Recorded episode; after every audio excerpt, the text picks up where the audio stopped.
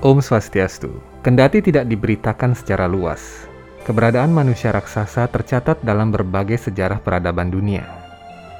Dalam catatan sejarah Romawi kuno misalnya, di sana ditemukan bahwa Kaisar Romawi Maximus Thrax memiliki tinggi badan kurang lebih 2,6 meter.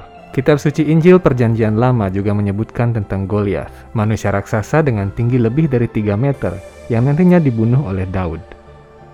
Sedangkan jika kita melihat sejarah modern, manusia tertinggi yang pernah tercatat secara resmi adalah Robert Pershing Wedlow dengan tinggi yang fantastis untuk ukuran manusia, yaitu 272 cm di usia 22 tahun. Hal ini membuktikan bahwa keberadaan manusia ataupun makhluk berukuran luar biasa bukanlah dongeng semata. Jika kita melihat seberapa besar paus biru dan dinosaurus dapat tumbuh, maka keberadaan manusia raksasa tidaklah semustahil yang dipikirkan oleh manusia modern. Begitu pula dalam kitab suci Weda, banyak kisah sejarah yang menyebutkan tentang para manusia raksasa dan di mana mereka tinggal saat ini. Kisah mereka dicatat dengan begitu apik di setiap bait sucinya yang dapat menyejukkan setiap jiwa yang mendengarkan dengan rasa tunduk hati. Kami ingin mengucapkan terima kasih kepada Anda yang telah setia menemani kami hingga saat ini. Peningkatan konten-konten Hindu Times dapat kami lakukan berkat dukungan dan sumbahsi tulus Anda dalam menyebarkan video-video kami. Setiap like dan subscribe yang Anda berikan mendorong kami untuk semakin berkembang dalam menyajikan konten yang informatif, inspiratif, dan tentunya dapat mengedukasi mereka yang ingin lebih dekat mengenal ajaran Dharma.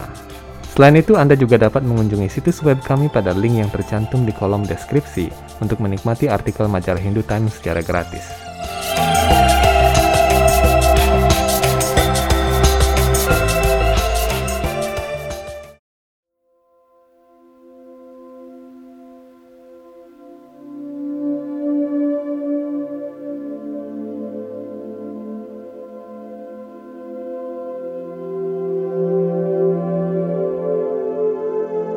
Bagi manusia modern, keberadaan manusia raksasa yang dinyatakan dalam sejarah agama-agama besar dan dibuktikan dengan penemuan arkeologi adalah suatu keanehan yang tidak dapat diterima akal sehat. Akan tetapi dalam kitab suci Weda, manusia yang berukuran besar bukanlah hal yang baru, karena sebagian besar sejarah Purana memang membahas tentang keberadaan manusia raksasa pada zaman Satya Yuga hingga akhir zaman Dua Para Yuga yang terjadi kurang lebih 50 abad silam. Berbicara mengenai ukuran tubuh manusia, Kitab Suci Weda Bhagavata Purana, buku ke-12, bab kedua, sloka 12, menyatakan, akibat pengaruh buruk zaman Kali Yuga, ukuran badan makhluk hidup akan menyusut drastis. Dalam berbagai kitab suci Purana, banyak dinyatakan sejarah mengenai manusia pada zaman-zaman sebelumnya. Sebagai contoh terdapat kisah Raja Mucukunda yang hidup pada zaman Satya Yuga.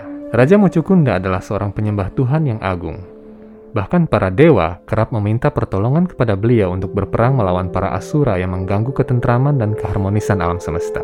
Karena telah membantu para dewa selama beribu-ribu tahun, Kartikeya, panglima perang para dewa, memberikan sebuah anugerah sebagai balasan atas bantuannya. Karena Raja Mucukunda tidak tidur selama beribu-ribu tahun, yang ada dalam pikirannya saat itu hanyalah tidur. Ia meminta anugerah dari Kartikeya agar bisa tidur dengan nyenyak selama ribuan tahun. Siapa pun yang membangunkannya sebelum ia puas tidur akan langsung terbakar menjadi abu. Raja Mucukunda tidur selama kurang lebih tiga setengah juta tahun di sebuah gua yang berada di India bagian utara, hingga dunia masuk di akhir zaman dua para yuga. Dikisahkan dalam kitab suci Weda Mahabharata, Hari Wangsa, dan Bhagavata Purana, saat itu sedang terjadi penyerbuan ke Mathura oleh pasukan gabungan Jarasandha, Sisupala, dan Tawakra dan Kalayawana, seorang raja meleca yang sangat tangguh. Gabungan raja-raja berwatak buruk ini berencana ingin membunuh Tuhan Sri Krishna yang sudah jelas tidak dapat dibunuh saat beliau sedang berada di Mathura. Tuhan tidak mengeluarkan senjata apa pun untuk menghadapi mereka. Sebaliknya, beliau membuat Kalayawana menjadi marah dengan mengolok-ngoloknya.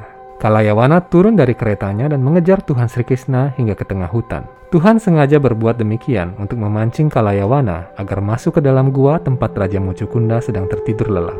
Setelah sampai di dalam gua, Kalayawana merasakan sepasang kaki dan ia mengira itu adalah kaki Tuhan Sri Krishna. Dengan sekuat tenaga, Kalayawana menendang kaki itu. Tendangan itu membuat Raja Mucukunda terbangun dari tidurnya. Begitu matanya terbuka, cahaya panas bagaikan sinar laser keluar dari bola mata Raja Mucukunda dan langsung membakar Kalayawana hingga menjadi abu. Setelah membunuh Kalayawana dengan taktiknya, Tuhan Sri Krishna muncul di hadapan Raja Mucukunda. Raja Mucukunda lalu bersujud di kaki Banma Tuhan dan mendapatkan pembebasan. Tatkala keluar dari gua tempatnya tidur, Raja Mucukunda melihat ukuran manusia telah menyusut drastis hingga seukuran telapak tangannya.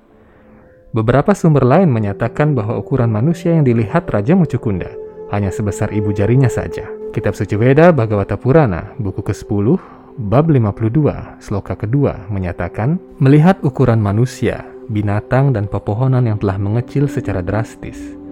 Raja Mucukunda menyadari bahwa itu adalah ciri-ciri akan dimulainya zaman Kali Yuga. Karena itu ia memutuskan untuk pergi menuju arah utara. Kisah tersebut mengungkapkan bahwa manusia pada zaman Satya Yuga sangatlah besar. Seiring dengan merosotnya zaman, ukuran badan manusia dan makhluk hidup lain mengecil. Tak hanya itu, Usia manusia pada zaman itu pun dikenal sangat panjang dan mampu hidup di dalam air atau di luar angkasa dalam jangka waktu yang lama tanpa alat bantu pernapasan. Dalam sejarah Veda dijelaskan bahwa manusia pada setiap zaman memiliki kemampuan dan kondisi fisik yang berbeda. Pada zaman Satya Yuga di mana sifat yang dominan berpengaruh adalah satwam, manusia memiliki kualitas hidup yang jauh lebih baik dibandingkan saat ini, dengan umur yang lebih panjang dan ukuran tubuh yang jauh lebih besar pula. Beberapa ilmuwan modern pun mendukung teori mengenai keberadaan manusia raksasa di zaman lampau. Salah satunya adalah Dr. Carl Wolf, pendiri Creation Evidence Museum yang bertempat di Texas, Amerika Serikat. Beliau membuat pernyataan bahwa manusia telah ada jutaan tahun lampau dengan ukuran yang lebih besar. Peneliti yang mengklaim telah menemukan fosil jejak kaki dinosaurus yang beriringan dengan jejak kaki manusia di dekat sungai Paluxy, Texas ini menyatakan bahwa sesuai dengan bukti fosil, makhluk hidup di masa lalu berukuran jauh lebih besar daripada yang ada sekarang. Dr. Boff menyatakan, setiap makhluk memiliki ekspresi genetika optimal atau optimal genetic expression. Artinya, wujud genetika terbaik yang bisa dicapai makhluk hidup berdasarkan DNA-nya. Wujud terbaik ini bisa dicapai manusia atau makhluk lainnya apabila kondisi lingkungan dan atmosfer sekitar mendukung. Tumbuhan, hewan, dan manusia akan hidup lebih lama dan tumbuh jauh lebih besar pada situasi lingkungan yang terbaik dan kondusif. Sebagai contoh, dalam kondisi yang baik, jenis pepohonan sequoia raksasa dapat dengan mudah mencapai tinggi 91 meter dan mampu hidup lebih dari 3000 tahun.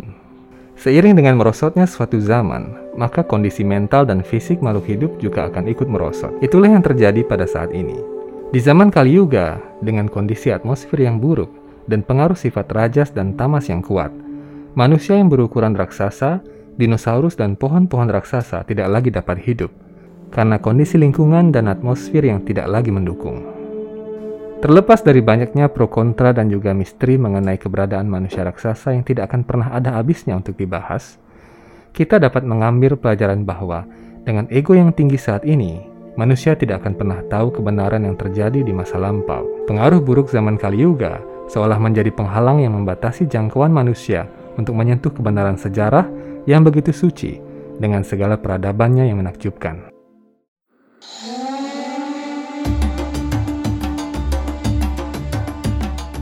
Sampai jumpa di episode-episode Hindu Times Channel yang akan datang, tentunya dengan butiran mutiara-mutiara pengetahuan suci Weda yang semakin berkembang dan menarik untuk diikuti.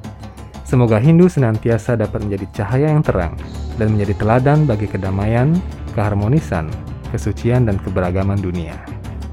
Om Santi Santi Santi Om.